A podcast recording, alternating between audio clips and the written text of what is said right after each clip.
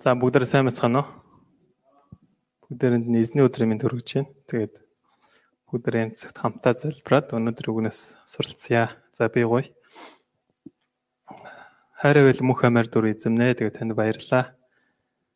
Үхээсээр аргагүй байсан бидний сонгон дуудаж өөрөө Иесусаар дамжуулан аварч өнөөдрийн хүртэл та өөрийнхөө амин үг хайрвэлтэй нэгүслийн замаар биднийг дагуулж өгж байгаа эзнэндээ баярлалаа. Аваатай ариун сүнсээр хамт байж бидний өдрөө бүр аваа таны үг болон дуудлагын дагуу тууштай амьдрахад тусалж өгөөч ээ минь танаас хичээнгүлэнгуйч байна. Онцгойлын цагт бид нар хамтдаа онлайнаар таны өмнө ирээд хүндэтгэл мөрөглөг өргөж байна. Аваа тань нөхөцөө хамгийн санаар өрөөж хүн болгоны зүрхэнд та өөрийнхөө тэр ивэл ерөөл нэгүслийг амийн өгөө дүүрэн өгөөч ээ минь танаас хичээнгүлэнгуйч байна. Аваа тэгээд яг энэ хөө үг сурах цагтаа та хамт байж эхлээс зүслүүдэртэж өгөөрэй бүх бүх зүйлийг танд даатхан эзэн Есүс Христ нэрээр уйлаа. Амен. За өнөөдрийн номлын нэр бол миний хүслэн болсон гордлого ба найдвар. Номлол Филиппой 1-1-ээс 30 голчлал 1-20. Юунд ч ичихгүй харин бүрэн зоригтой байх юмсан гэсэн миний хүслэн болсон гордлого болоод найдварын дагуу одоо ч урдын адил амиарч бай, үхлээрч бай бид минь Христ өрөмжлөгдөх болно. Илч Паул хоёр дахь сайн мэдээнийхээ аяллаа хийх үедээ тэрээр Трой хэмээх хотод байхдаа Македоны үзэгдлийг үзээд очисон хот бол Филиппой хот байсан. Уг хот нь Европ руу ороход дайран өнгөрдөг анхны хот байсан юм. Паул нийл ягаан бүс даавуу худалдаг Луудия мэрэг төлөгчдийн сүнстэй нэгэн шивгчин Филиппой хотын шоронгийн хуйг нарт сайн мэдэг дамжуулсны үр дүнд анх Филиппой чуулган байгуулагдж байсан. Паул Филиппой захидлыг Филемон, Колосой Эфес чуулганыханд хандан шоронгоос бичсэн захидлуудын нэг байсан. Энэхүү захидалд joy буюу баяр хөөр гэдэг үг 6 удаа, rejoice буюу баярлан хөөр гэсэн утгатай үг 8 удаа гардаг.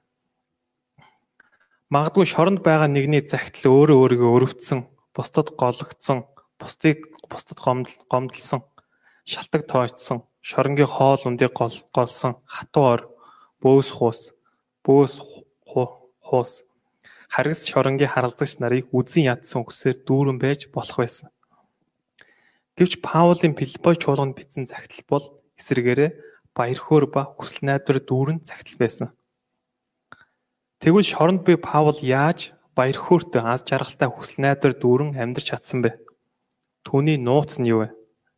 Түүний нууц бол Есүсийн дотор амьдралын тодорхой хүсэл ба гордлого найдвар байсан учраас тэр юм. Өөрөөр хэлбэл бид Филиппой цагтлаас Илч Паулын төлөвсөн итгэж хүний хандлага ямар байх ёстойг сурах болно. Мөн Христийг дагаж буй хүний амьдралын эцсийн гордлого ба найдвар нь юунд байх ёстойг бидэнд заа өгч байна. Өнөөдрийн нэгдүгээр бүлгээр дамжуулан зөвхөрмөр байдлын дунд сайн мэдэг тунгалж буй Паулын гордлого ба найдварыг сайн сурж бид ч гэсэн Нөхцөл байдлаас үл хамааран авралын ажлыг хийдэг хүмүүсээр өсөж чадахыг хүсэн гуйж байна. 1. Паулын талархал ба залбирал 1-ээс 11 дугаар эшлэл. Одоо бүгдээр 3-аас 5 дугаар эшлэгийг үзээрэй. Та нарыг дурсах бүрдээ би бурхандаа талархан та бүгдийн төлөө залбих бүрдээ би үргэлж баяр хөөртэйгээр залбирдаг нь. Тэнд ихний өдрөөс минь өнөө хүртэл та нар сайн мэдээнд хуваалцагч болсон учир билээ гэж байна. Илч Паул энэхүү захидлыг талархах ба гуйлтаар эхэлж байна. Тэрээр Филиппой чуулганыхныг бодох бүрд үргэлж талархал ба баяр хөөрөөр дүүрдэгэ гэж байна. Тэгвэл яагаад Паул Филиппой чуулганыхныг санах бүрдээ тийхүү баярлан талархаж байна? Филиппой чуулганы итгэгч нар тэгвэл ямар хүмүүс байсан бэ? Нэгдүгээрт эхний өдрөөсөө тэд өнөө хүртэл сайн мэдээнд хуваалцж байсан учраас тэр юм. 5 дугаар ишлэлд сайн мэдээнд хуваалцж болсон гэж байна. Энэ нь тэд Паулийн сайн мэдээний ажилд хайраар залбирал ба эд зүйлсээр зүйлсээр туслан дэмжснээр хамт оролцдог байсныг хэлж байна.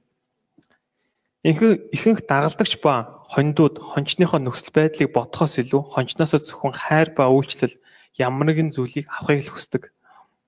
Гэвч Пилбой чуулганы итгэгчнүүд анх сайн мэдээ хүлээн авсан тэр л өдрөөс эхлэн хончин Паулд хэрэгтэй зүйлсээр итгэвтэй туслан дэмждэг байсан. Филиппой хотын анхны итгэгч Нил Ягаан бүс давах худалдаа худалдаалдаг Лүдэ хэмэх эмэгтэй итгэсэн даруйда өөрийнхөө орон байраа гэр сум болгон зориулж Паултай хамт сайн мэдээний ажилд оролцож байсан юм. Үүнээс гадна Паул Филиппоёгоос явж Тессалоник сайн мэдээг дамжуулахад Паулын төлөө тэд хичээнгүй зуусан залбирч олон удаа эд үсээр туслан дэмжсэн байдаг. Паул алс хол явсан ч Филиппо чуулганы итгэгч нар үргэж түүний төлөө залбирч түүнд материалын тусламж илгээдэг байсан. Ингэснээр Филиппо чуулганы итгэгч нар Европ болоод дэлхийн сайн мэдээний төлөө Паулын ажилд хамтран зүтгэж сайн мэдээний хуваалцагч болсон билээ. Паул ийм л тэдний байдлыг дуурсах дуурсах бүрдээ баяр хөөртэйгээр бурхан талархан залбирдаг байсан. Жинхэнэ Христэд итгэгч нэгэн бол заавал бурхны авралын ажилд оролцож сайн мэдээний хуваалцагчаар амьдрах ёстой юм. Бидэнд авралын төлөө Бидний авралын төлөө өөрийн амнаас цаг зав бүхэл зүйлээ зориулсан мишонор хончид Библийн багш тасгажуулагч сончтойхоо төлөө хичээнгүлэн залбирч тэдний цаашид Бурхны төлөө хийх үйлсэд зориулж бодтойгоор эд материалыг болон санхугаар бид нар дэмжлэг үзүүлэх хэрэгтэй. Мөн Бурхан манай чуулганыг Монгол болоод дэлхийн хоёрын залуусын төлөх авралын ажил сонгон дуудаж сайн мэдээний хуваалцагчаар сонгосон. Тиймээс бид тогтмол оюутнуудаа нэг нэгний Библийг хилгэж тэдний төлөө залбирал ба үйлчлэл бод бод зүйлсээр дэмжин туслах замаар сайн мэдээний хуваалцагчаар амьдрах хэрэгтэй юм. Энэ цагт манай чуулганы хүн нэг бүр, хончин нэг бүр сайн мэдээний хуваалцагчаар амьдрч чадахыг хүсэн гуйж байна.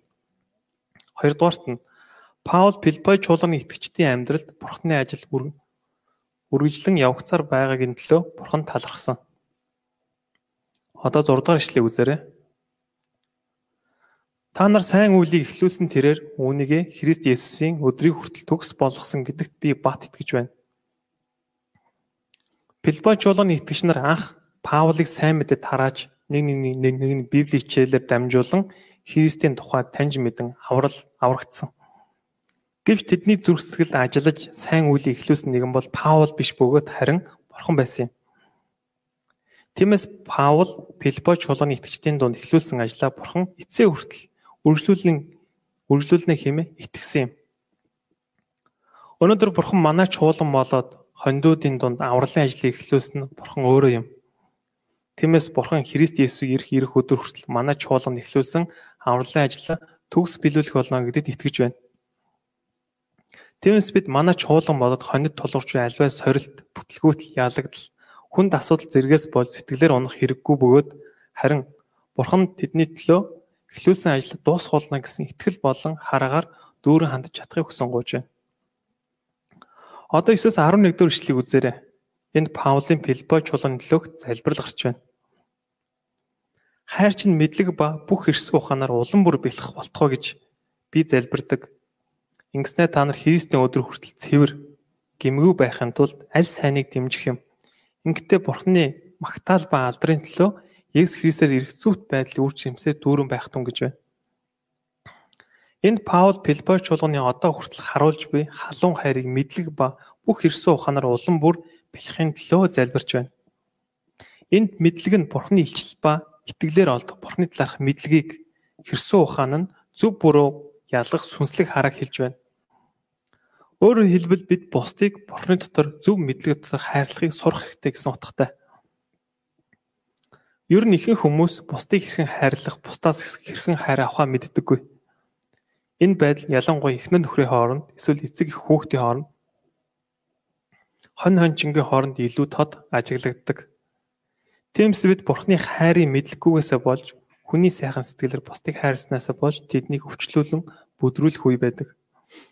Тиймээс ялангуяа хончид бид Библийг хичээнгүй сурснаар Бурхан ба Есүс Бурхан ба Есүс бидний хэрхэн хайрсныг зөв олж мэдснээр бусдыг зөвөр хайрлж сурч чадахыг хүсэн гуйж байна.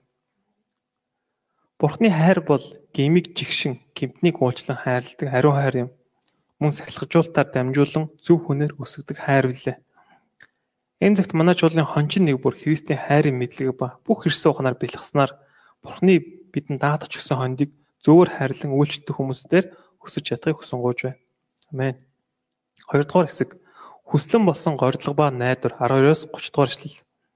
Одоо 12 дугаар ишлэлийг үзээрэй. Бүгдээрээ хамтдаа уншъя. Библиэн үү? 12 дахь ишлэлийг. За эхлэе. Ах トゥ нараа миний нөх нөхцөл байдал сайн мэдээнд илүү дэвшил болж буйг та нар мэдээсэй гэж би хүснэм. Паул шоронд хоригдсныг сонссон Филиппо чуулганы зарим итгэгчид сайн мэдээний ажил зогсож байгаа мэт санаан завсан. Харин Паул өөрийнх нь энэхүү нөхцөл байдал сайн мэдээнд илүү дэвшил болж байна хэмээн тэдэнд хэлж байна. Энэ дэвшил болсон гэдэг нь Бурхан Паулын хүлээстэй амьдралыг сайн мэдээний төлөө улам илүү дэвшилтэйгээр хэрэглэсэн гэсэн утгатай үг юм. Тэгвэл Паулын хүлээс нь хэрхэн сайн мэдээнд ахиц ба дэвшил болсон бэ? Нэгдүгээрт нь Ромын захирагчийн бүхэл ордонд сайн мэдээ дэлгэрсэн. 13 дахь эшлэгийг үзээрэй. Миний хүлээс Христийн төлөө байгаа захирагчдын бүхэл ордонд болон бусад бүгдэд илэрхий болоо гэж байна. Паул Ромын шоронд байхдаа хааны цэргүүдээр хянуулдаг байсан. Паулыг хянаж буй цэргүүд нь захирагчдын ордон болох Ромын эзэн хааны ордонд байрладаг бүгд элитийн цэргүүд байсан. Элит цэргүүд байсан. Тэд бол бардам, харагс хэрцгий цэргүүд цэргүүд байсан. Гэвч Паул тэдэнд Бурхны хайраар хандан Иесусийн сайн мэд хичээнгүлэн дамжуулж чадсан юм. Паулийн Шоронгийн хянагч нар нь Ромын захиргаанаас зөвшөөрж өгсөн тогтмол Бурхны хондод байсан. Паул ээлж солон ирж буй тэдний хүн нэг бүр сайн мэдэг дамжуулсан. Тэд анхандаа Паулыг үл тоож эсрүүцсэн байх. Гэвч Паулын зөрөгтэй дайчин баяр хөөртэй байдал нь цэргүүдэд аажмаар сайн мэдэн чих тавин сонсоход хүргэж хатуу зүрхийг зөөлөн гимшиж Есүсийг аврагчаа хүлээн авахд хүргэсэн юм. Ингээд Ромын царгчдын бүхэл ордон сайн мэдэн дэлгэрэх болсон. Хамгийн зөвхөрмөр боломжгүй цаг үдч Паулийн хүлээсэн сайн мэдээнд ийхүү ахид дэвшил авчрах гайхамшигтай төвийг биелүүлсэн билээ. Хоёрдугаарт нь ямар ч байдлаар Христ тунхаглагдж байна. 14 дэх эшлэгийг үзээрэй. Мөн ах トゥ нараа ихэнх нь хүлээснээс нь болж эзэнд итгэлтэй болж Бурхны үгийг эмээлгүй ярих улам илүү зоригтой байна. Паулыг шоронд хоригсноос болж Ром дахь итгэгчдийн ихэнх нь эзэн Есүст улам итгэлтэй болж Бурхны үгийг эмээлгүй ярих улам зоригтой болсон. Тэд өмнө айц сичгрүүсээ бас сайн мэдэг ярихтаа эмээдэг байсан. Харин Паул Христийн сайн мэдэг дэлгэрүүлснээсээ болж шоронд хоригдсон сонсоод сэтгэл нь хөдлөн тэд өөрчлөгдсөн юм. Тэд шоронд байсан ч Бурханд найдан сайн мэдэг гэрчиж буй Паул итгэлээс урам зориг аван сайн мэдэг тунхалсан. Өөрөөр хэлбэл Паулын шоронд хоригдсон бусад хүмүүст сайн мэдэг тараахад түлхэц болсон гэсэн утгатай үг юм. Зарим итгэгчдийн хувьд Есүс болоод элч Паулд хайртай учраас хичээнгүлэн сайн мэдээг тарааж байсан. Харин тэдний дунд Паул хатархснаасаа болж сайн мэдээг хичээнгүй тараагч хүмүүс ч бас байсан. Бүр тэдний зарим нь Паулыг шоронд хоригдсон үйл явдал нь боломж хэмээн арж шаргуу хичээнгүй сайн мэдээг тунгалж буй хүмүүс ч хүртэл хүртэл байсан. Гэвч Паулийн хувьд сайн мэдээг тунгалах гэсэн ганцхан зорилго байсан учраас ямар ч байдлаар хамаагүй Христ тунгалагч байгааг хараад Бурхан талархаж баяр хөөртэй байсан юм. Заримдаа бидний хувьд зэрэгцэн бурханд хамтран зүтгэж хажууд минь үнж нөхрөн байсан нэгэн дуудлагыг орхих үед бид маш ихээр шархлан сэтгэлээр ундаг. Тэгэд өөр чуулганд хамрагдан бусдыг манлайлан бурханд үйлчлэх үед тэдэнд битүүхэндээ дургуутсан шүмжлэлтэй хандах үе байдаг. Гэвч бид энэ үед сэтгэлээр унаж шүмжлэх хэрэггүй бөгөөд харин тэдний төлөө хичээнгүлэн бурханд талархан залбирах хэрэгтэй. Тэгээ сайн мэдээний ажил тэднэр дамжуулан ямар ч аргаар хамаагүй тунгалж байгаад бурхан талархлыг өргөх хэрэгтэй юм аа. Паулийн хүслэн болсон горилго ба найдвар. Паул итгэлийн олон ахын дүүсийн хичээнгүү залбирал ба бурхны хүч чадлаар шоронгоо суллагдана гэдгээ өөрөө мэдж байсан. Гэвч Паулийн хувьд шоронгоо шоронд үлдэх үү, суллагдах уу гэдэг нь түүний үед хамгийн гол чухал асуудал биш байсан. Тэгвэл түүний хувьд жинхэнэ хүслэн болсон горилго найдвар нь юунд байсан бэ? Одоо бүгдээр 20 дугаар ишлэгийг хамтдаа уншицгаая. 20-ыг хамт уншийе. За Библи хараад уншаарай. Өнөөдрийн хичээлийн гол хэсэг, номлын гол хэсэг ба. За бүгдээр олсон уу? За эхлэе юунд жичихгүй харин бүрэн зөрөгтэй байх юмсансан миний хүслэн болсон горилго болоод найдварын дагуу одоо ч урдын адил амиарч бай өглөөч бай бид минь Христ өрнөлөгдөх болно. Юунд жичихгүй харин бүрэн зоригтой байх юмсан гэсэн миний хүслэн болсон гордлого болоод найдварын дагуу одоо ч урдын адил амиарч бай, үхлээрч бай бид минь Христ өргөмжлөгт болно. Энд Паулийн чин зүрхний хүсэл юунд вэ гэдгийг бидэнд заа өгч байна. Паул ямар ч байдалд байсан өөрөөр нь дамжуулан Христийн сайн мэдээ тунхлагдаж түүний амьдрал Христ өргөмжлөгт өргөмжлөгдөх нь түүний хувьд эцсийн хүслэн хүсэл болсон гордлого ба найдвар нь байсан юм. Тиймээс тэрээр өөрийн хүлээстэй буюу шоронд орсондоо огтхонч ичиж санаа зовоогүй. Тэрээр суллагдвал эрчүүлэгдээг сайн мэдэг дэлгэрүүлэхийг хүсэж хүсэж хүсэж л байсан. Харин шоронд байхдаа үхлийн яд шийтгэл авбал үхлээж үхлээрэж дамжуулан Христийг гэрчлэхийг хүссэн. Өөрөөр хэлбэл Паул амиарч бай, үхлээрч бай, өөрийн бид Христ алдаршин хүндлэгдэх нь түүний зүрхний чин зүрхний хүсэл болсон гордлог ба найдвар байсан юм. Тиймээс тэрээр ийхүү хэлсэн. Миний хувьд амьдрах нь Христ өгөх нь ол тийм аа гэж. Эндээс харуул Паулийн хувьд Христ өөрийнх нь бүхий л амьдралын үндсэн шалтгаан, хүч чадал, зориг, санаа бодол цаашлаад бүхий л зүйл нь байсан гэдгийг бид энэжээс мэдж болно. Паул Христийн төлөө л бол амьдрсан ч үхсэн ч алдрын хэрэг гэж бодсон. Ийм түүний амьдрал нь хизээч өөрийнхөө өөрийнхөө төлөө бус Христ ба түүний сайн мэдрийн төлөө өөрийгөө бүрэн зориул зориулсан зориулсан юм. Тиймээс Паул шоронд байсан ч талхал ба хүсэл найдвар баяр хөөрөөр дүүрэн ирч хүчээр дүүрэн амьдарч чадсан юм. Энэ цагт таны зүрх сэтгэлийн таны зүрх сэтгэл дэх чин хүсэл ба амьдралын гордлого найдвар чинь юу вэ? Энэ тухай хүн болгон бодож үзээрэй. Таны чин зүрх сэтгэлийн хүсэл ба амьдралын тань эцсийн гордлого найдвар юу вэ? Зарим хончтой олон хондыг тижээж хончноор босох гэсэн горлого ба хүсэл найдвар байдаг. Мөн гэрлэг наснд хүрсэн зарим нь энэ жил сүү тавьж тавьж заавал итгэлийн гэр бүл босноо гэсэн горлого байдаг. Мөн гэрэлсэн зарим маань тав тухтай орон бар машинтай болох болох болохын төлөөх горлого ба хүсэл байдаг.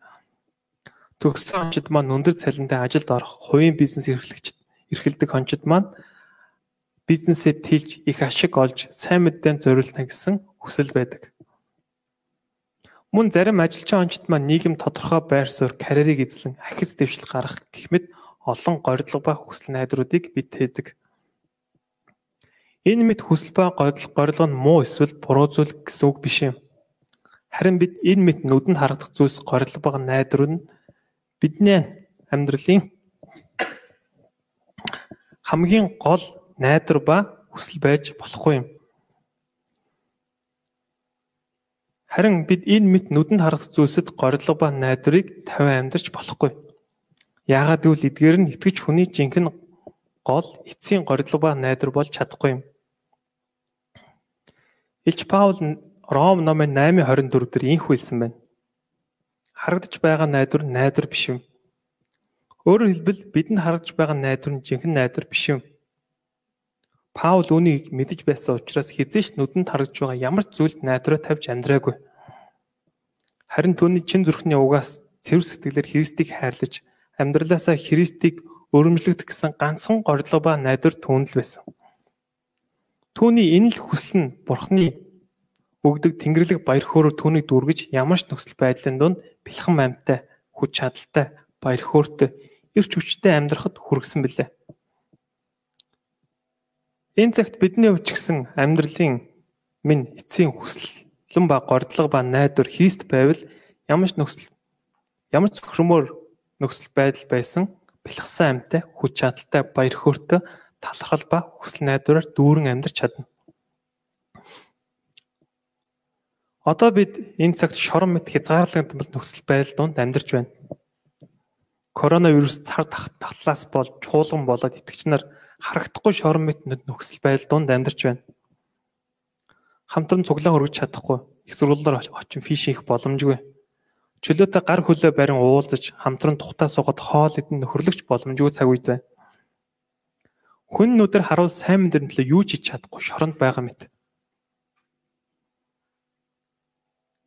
Гэвч хүлээстэй байсан хүлээстэй шоронд байсан Паул юу хийсэн бэ? Гэвч Илч Паул шиг бидний амьдралын эцсийн хүслэн босон горилго ба найдвар Есүсээр байвал бид шантрамаар шормод нөхцөл байдал дунж бурхан ба сайн мэдний ажил ахид дэвшлийг гарган амьдрч чадах юм. Тэнс бид нүдэнд харагдах хэцүү нөхцөл байдал ба асуудал төвлөрөх бус харин Есүс дээр амьдралын итгэл сэтгэл байвал бид нөхцөл байдлаас үл хамран заавал сайн мэдээнд ахис дэвшлийг авчирч чадна. Хэрэг бид энэ л итгэлийг алдвал бид шантрал зөвхөрл ялагдал гомдлын сэтгэлээр дүүрэх болно. Илч Паул шоронд хүлээ хүлээстэй идэж түүний сайн мэдээнд л итгэл бас сэтгэл нь хүлэгдээгүй. Ганц хүн Паулын энэ л итгэлийн дагуу Роми эзэнт гүрэн гүрнийг сайн мэдээгээр байранд сайн мэдээгээр байлдан дагуулах суурин болсон. Бид ч ийм ихтгэл байхад хувийн санаа бодол сул дорой ба хэцүү нөхцөл байдлыг ялан дийлж сайн мэдэн төлөө агс төвшлийг авчран шин түүхийг бүтээж чаднаа. Амен. Миний хувьд энэ хүн номлыг бичих үед нүдэнд харагдах гарт барих зүйлс найдвараа тавьж байснаа ухаарлаа. Миний амьдралын гордол байгаа найдвар Иесус дээр биш харин өөртөө эсвэл хончид ба хондод мөн гарт баригдаг бодит үр жимс нүдэнд харагдах өсөлт амжилт зэрэг илүү их амжилт зэрэгт илүү их найдар ба горлого тавьснаа харлаа. Жишээ нь өөрийн тусаж үйлчилсэн хонд болон хончдод гордол ба найдрыг илүү тавьдаг. Бурхны сайшаал магтаалыг Бурхны сайшаал магтаалыг гордон хүлээхээс илүү хүмүүсийн сайшаал магтаалыг илүү их горддог. Нүдэнд үл харагдах Бурхнаас илүү хүмүүсээс илүү Нүдэнд үл үүзэгдэх бурханд найдахаас илүү хүмүүст илүү их найддаг. Тайвшрал урам үгийг бурхнаас ирэх хайхаас илүү хүмүүсээс тайвшрлаа урам үгийг илүү их ирдэрдэг. Бурхны хүч чадал түшиглэн найдахаас илүү өөртөө л илүү их найддаг гэх мэт. Гэвч эдгээр нүдэнд харагдах ямар ч зүйл найдвар тавьж болохгүй бөгөөд Иесус Христэд бүхэл гордлого ба найдвар 100% тавих ёстой гэдгийг сурч байна. Бурхан сүүлийн хэдэн сарын хугацаанд миний гордол ба найдвар тавьж байсан хэдэн зүйлийг нураасан.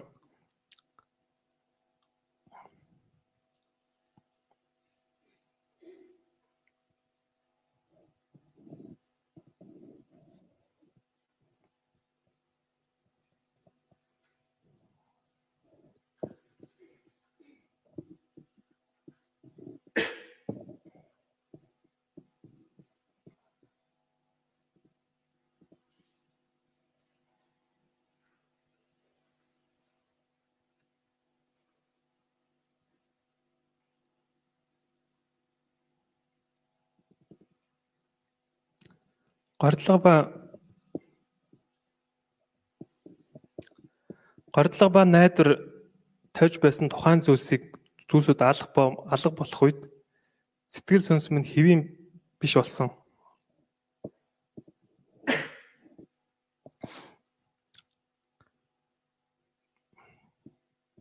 Би өөр өөрөө ч мэдлгүй уур бухимдлаар дүүрч стресстэж эргэн тойронд байгаа хүмүүстэй зөв харилцаж чадгаа байж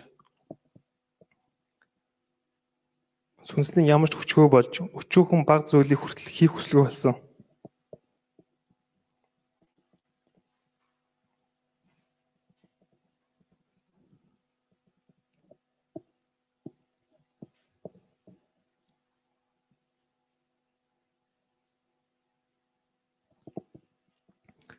Өөрөөр хэлбэл миний нүдэнд харагдах найдаж байсан зүйлс нурх үед би ч хүртэл хамтаа нурсан. Эндээс хүний нүд нь харагдах ямар ч зүйл найдах зүйл болж чадахгүй гэдгийг Бурханад тухааруулсан. Харин өнөөдрүүгээр дамжуулан Бурхан миний амьдралын гордлог ба найдвар чин сэтгэлийн хүсэл зөвхөн Есүс дээр байх ёстой гэдгийг зан өгж байна. Хэрв тэгж чадвал Паул шиг гадна талаараа хүнд нөхцөл байдалд орсон ч өрүүлж баяр хөөртэй, ирж хүчтэй, урам зориг ба хүсэл найдвараар дүүрэн сайн мэдээ дотор ахис твшлэр дүүрэн амьдарч чадна гэдгийг сурч байна. Хайртай бурхан аав минь өнгөрсөн хугацаанд танд бүхэл гордол найдрыг тавилгүй. Энэ дэлхийн зүйлсэд мөн өөртөө найд нүшилж байсандаа энэ зэгт гимшиж байна. Хойш амьдралын минь гордол найдар 100% Иесус болж өөрчлөгдөж, Илч Паул шиг ямар ч үед сайн мэдээний дотор ахис ба твшлэр дүүрэн үр жимс ургуулдаг амьдралаар амьдарч чадахыг хүсэн гуйж байна. Дүгнэлт Ковид-19-с болж дэлхийд даяар хүмүүсийн амьдрал хязгаарлагдсан хэцүү байдалд орсоор байна. Сайн мэдээний ажилч ахиц твшил гаргахад хэцүү болсон. Харин бидний дотор сайн мэдээгээр дамжуулан Христийг л өрөмжл өрөмлөх гэсэн хүсэл эрмэлзэл ба найдар байхад бид бүх нөхцөл байдлыг ялан дийлж сайн мэдээний ажилд өөрийгөө болон гэр бүлээ зориулснаад ахиц твшлэр амьдарч чадах юм аа. Бидний хүн нэг бүхэнд Христ ба сайн мэдээний төлөө амьдрах хүсэл эрмэлзэл дүүрэн өрөөжөхийг хүсэн гоч байна. Амен. За би энэ цаг залбирая.